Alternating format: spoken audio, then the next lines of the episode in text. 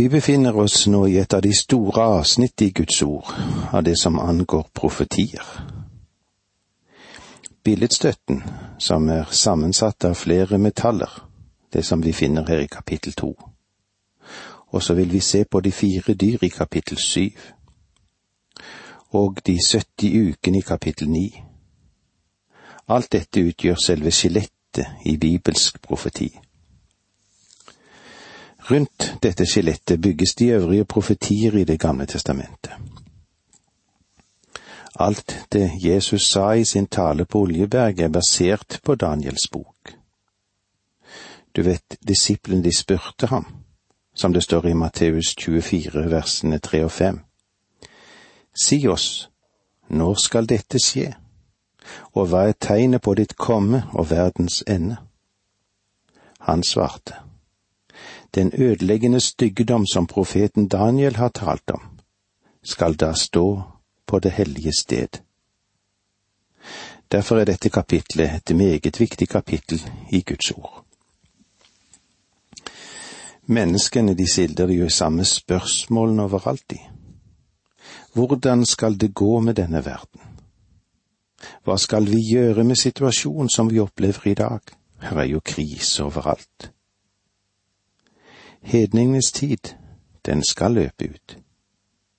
Hedningene har ikke løst oppgaven særlig godt med å drive denne verden. Vi kan se begynnelsen til det så langt som tilbake i denne boken som vi nå er innom i Daniels bok, og vi kan nå nærme oss slutten av denne fasen. Men jeg tror at Jesu Kristi menighet vil forlate denne jord før hedningenes fylde er inne og når menigheten forlater jorden, vil Kristus komme tilbake for å herske. Dette profetiske kapittel er grunnleggende for forståelsen av all profeti. Det er årsaken til at jeg stadig påpeker at bare å kjenne noen få vers i Bibelen, og være i stand til å tolke disse versene kan være temmelig farlig. Det er slike forskjellige sekteriske utbrytere kommer til, og slik begynner enkelte kulter òg. De bruker bare visse vers i Bibelen. De menn, ja, det er for det meste flest menn, som starter disse kultene. De forstår seg, ser det ut for, på menneskenaturen. De vet at mennesker er i behov av lærere og lære setninger som tilfredsstiller det naturlige mennesket eller den naturlige tanke. Og her følger liberalismen disse folkene langt på vei. Kirkefaderen Augustin, en av Herrens store menn, han ble spurt en gang hvorfor han falt for manikernes kjetteri som florerte på hans tid. Han svarte at den var så helhetlig og filosofisk akseptabel. Senere skjønte han at et ensidig filosofisk tilnærming til Bibelen, det er et av de farligste møter med Guds ord. Filosofen, han går aldri til Guds ord som basis og som autoritet. De har et system som basis, og Skriften blir bare et instrument for deres tanke. Det er så viktig å studere hele Guds ord, og la Bibelen få tale inn i din tanke på sine egne premisser. Særlig er dette aktuelt når det gjelder møtet med det profetiske ord. Derfor er denne delen så viktig for oss. Som overskrift over det vi går inn på nå, før vi leser vers én, Nebukanesers drøm og hans krav til de vise menn i Babylon. Nå leser vi sammen det første verset i det andre kapitlet i Daniels bok. I det andre året Nebukaneser var konge, hadde han drømmer som gjorde han ham så urolig til sinns at han ikke fikk sove. Jeg kan lett forstå at Nebukaneser, som nå var blitt en av verdens absolutt største menn, undret seg over på hva som ville skje i hans store, hans enorme rike. Det som var skapt under hans lederskap. Faktisk så var Babylon det første verdensimperium. Nebukaneser hadde gjort noe som egypterne ikke hadde vært i stand til. Fordi Egypt, ja, hvordan var det med Egypt? Jo, de var selvforsørgende. Den største feil noen farao noen gang gjorde, var å forlate Nildalen. Om han bare ble der, så var han absolutt godt beskyttet. Han hadde da en buffersone med ørkenen på de fleste kanter rundt riket som ingen kunne trenge gjennom med en stor hær. Alt han behøvde var å beskytte Nilelven. Det var jo den eneste innfallsporten til Egypt.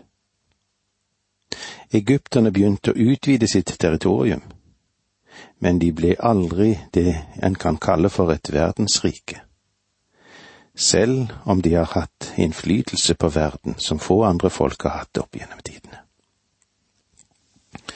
Men denne Nebukaneser begynte som en liten stamhøvding og prøvde å forene forskjellige stammer.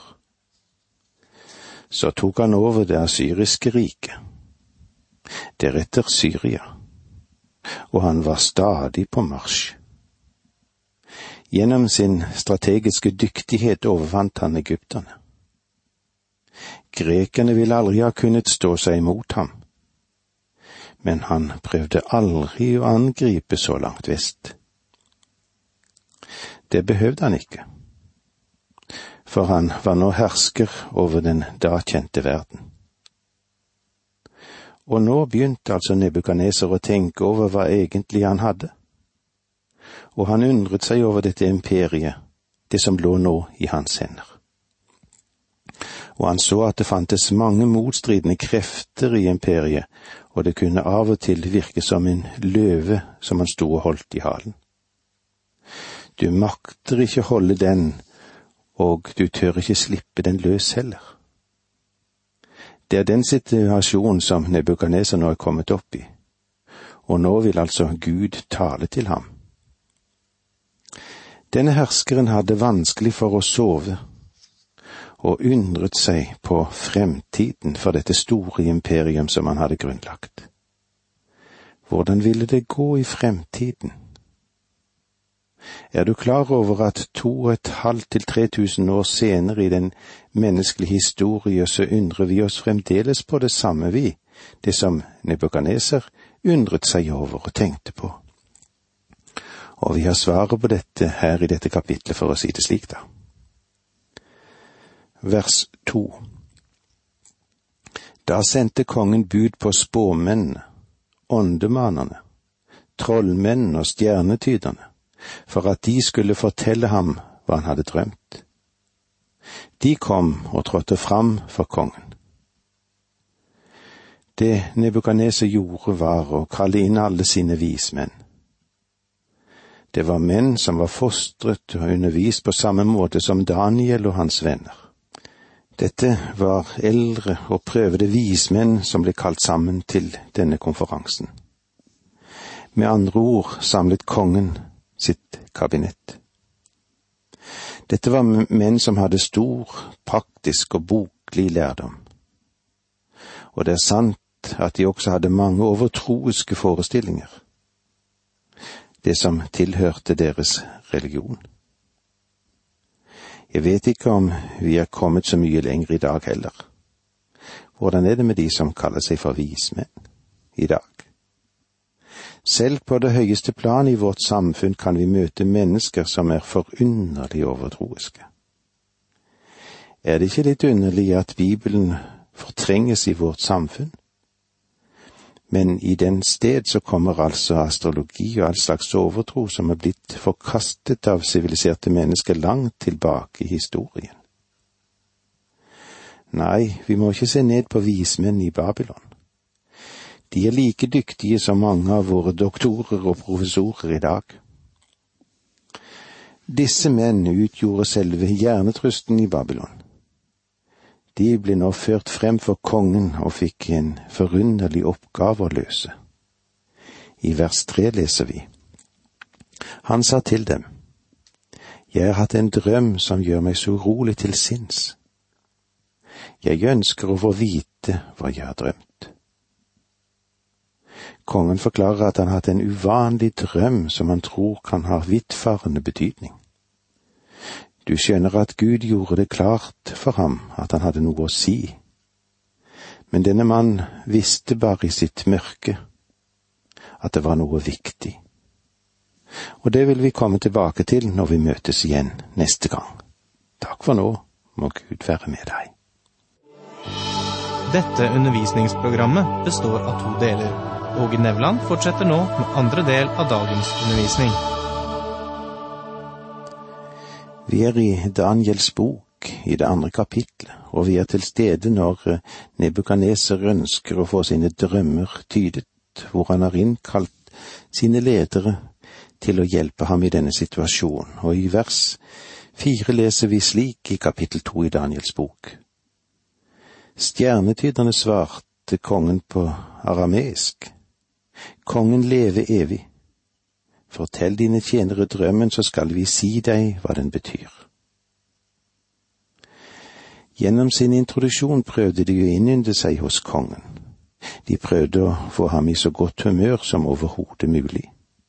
De sier Kongen leve evig.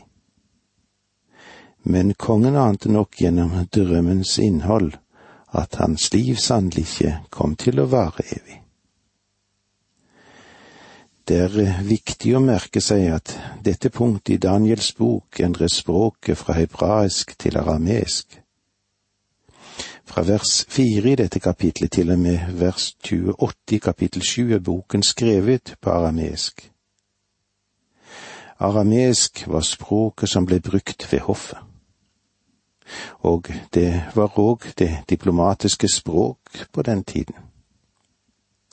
Det var hedningenes språk, med andre ord verdensspråket. Det hadde samme posisjon i diplomatkretser som fransk har hatt i den moderne tid. Og jeg tror at vi gjennom denne endringen kan driste oss til å påstå Gud taler nå til verden, ikke bare til sitt folk.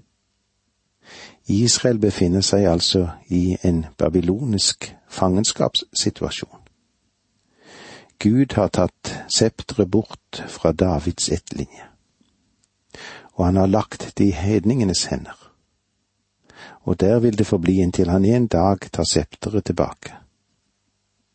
Og når han gjør det, så er det de naglemerkende hender som vil gripe septeret. For det er Guds hensikt at Jesus skal herske. Selve temaet her er et verdensrike. Den oppfatning at Guds ord er begrenset til en slags lokal guddom, og at Bibelen har et svært begrenset synsfelt, det er helt feil. Gransker vi Guds ord nøye, ser vi at Gud har i tanken et verdensvidt rike. Det kan vi òg se i Salme 89, 28, hvor han sier den pakt han gjorde med David. Ja, jeg gjør ham til min førstefødte, den høyeste blant kongene på jorden. Og så videre i versene 35 til 38 i samme salme så sier han, Jeg vil ikke vanhellige min pakt og ikke endre det jeg har talt. En gang sverget jeg ved min hellighet, jeg vil ikke lyve for David. Hans ett skal alltid leve hans trone skal bestå for mitt åsyn så lenge solen er til. Den skal vare evig som månen. Det trofast vitne i skyen. Her taler vi altså nå om et globalt perspektiv, og altså ikke en lokal eller nasjonal situasjon. Dette angår den første verdenshersker og det språk som ble brukt, det er datidens verdensspråk. Da sa kongen til stjernetyderne, det er min faste vilje at hvis dere ikke forteller meg drømmen og sier hva den betyr, skal dere hogges i stykker og husene deres skal bli til en grushaug, står det i vers fem. Dette synes å være en temmelig ekstrem domsavsigelse. Men eh, dere kan forstå hva kongen ønsker. En feiltolkning av dette verset kan gi inntrykk av at kongen har glemt drømmen. Men det hadde han ikke. Han kjenner til drømmen. Han aner at det er viktig, og vil ikke finne seg i at vismennene bare skal synse her. Hvorfor? Han vil ha en riktig tolkning av drømmen fordi han aner at hans verdensrike kan bero på tolkningen av dette. Og fordi dette er så viktig, så merk det at Nebukaneser ikke bare ber om en tolkning av drømmen, men han vil tvinge vismennene til selv å fortelle drømmen uten å høre Nebukaneser fortelle den slik at han kan vite at tolkningen er rett. Hvis de kan si ham hva hans drøm har vært, så er det en bekreftelse på at også tolkningen vil være rett. Fordi Nebukaneser nå er full av frykt, så legger han et kolossalt press på sine vismenn. De skal gi ham en tolkning. Men ikke bare det. De skal først presentere drømmen uten at kongen har gitt dem et eneste holdepunkt. Vers seks. Men hvis dere forteller meg drømmen og sier hva den betyr, skal dere få rike gaver og stor heder av meg. Fortell meg derfor drømmen og si hva den betyr. Nebukaneser kunne være uhyggelig streng, men ikke bare det, han var også sjenerøs og romslig. Denne mannen ble styrt av sine følelser, noe som vi vil møte flere ganger. Han sier til dem, dere kommer ikke til å angre på det, det dere gir meg i tolkningen av denne drømmen. Her er rikelig lønn å få. Vers syv. Da svarte de for annen gang, kongen må fortelle sine tjenere drømmen, så skal vi si deg hva den betyr. Disse vismennene visste at premissene kongen hadde lagt, var farlige og de spør om han ikke kan velge en middelvei ved å fortelle dem drømmen slik at deres del kan bli òg en del av tolkningen. Vers åtte Kongen sa, Jeg skjønner godt at dere prøver å vinne tid, for dere ser at mitt ord står fast. Det kongen sier er, dere forstår at jeg mener alvor dere forsøker å vinne tid fordi dere vet at dødsstraffen kan vente dere. Vers 9 Hvis dere ikke kan fortelle meg drømmen, vil samme dom ramme dere alle. Men dere er blitt enige om å føre meg bak lyset med en løgn, i håp om at tidene skal forandre seg. Fortell meg derfor drømmen, så vet jeg at dere også kan si meg hva den betyr. Her gir kongen til kjenne sin manglende tillit til Babylons vismenn. Og det kan vel tenkes at de har ført ham bak lyset tidligere på samme måte som voldsprofetene sviktet gamle Akab. Men siden ble Akab drept i et slag, fikk han ikke sjanse til å hevne seg. Nebukaneser føler at disse menn har forsøkt å putte ham inn i en masse ord og mystiske faser. Men nå, ja, nå setter han dem virkelig på prøve. Og hans vurdering på dette punkt er svært logisk. Hvis de ikke kan fortelle ham hvilken drøm han har hatt, så er det grunn til å tro at tolkningen også vil være riktig. Kan de ikke si ham noe om drømmen, så vil også deres tolkning kunne være tvilsom. Vi gjentar vers ni. Hvis dere ikke kan fortelle meg drømmen, vil samme dom ramme dere alle. Men dere er blitt enige om å føre meg bak lyset med en løgn, i håp om at tidene skal forandre seg. Fortell meg derfor drømmen, så vet jeg at dere også kan si meg hva den betyr. Nå kommer det altså et dikré fra Nebukaneser om å ødelegge vismennene de som det har mislykkes for, i å fortelle drømmen og tolke den.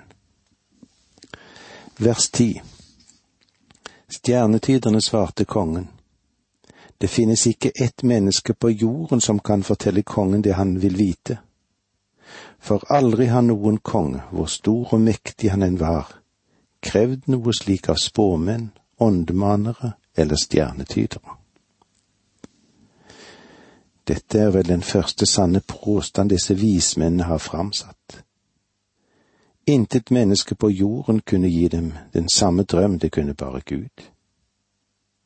I fortvilelse tigger de om nåde for sitt liv, ved å vise hvor urimelig kongens krav er. Skyver du til side det overnaturlige, så er selvfølgelig kravet òg urimelig. Men de har selv påstått at de her har å gjøre med det oververdslige, og han ber dem om å demonstrere det. Vers 11. Det kongen krever er for vanskelig. Det er ingen andre enn gudene som kan fortelle kongen det han vil vite. Men eh, de har ikke sin bolig blant dødelige mennesker. Det de egentlig sier er at de har ingen forbindelse med himmelen, og de bekjenner faktisk at deres guder ikke gir dem særlig mye informasjon. Og de konkluderer derfor med at ikke noe menneske kan møte kongens krav. Og dette baner veien for Daniel inn på scenen. Og med disse ordene sier vi takk for nå, må Gud være med deg.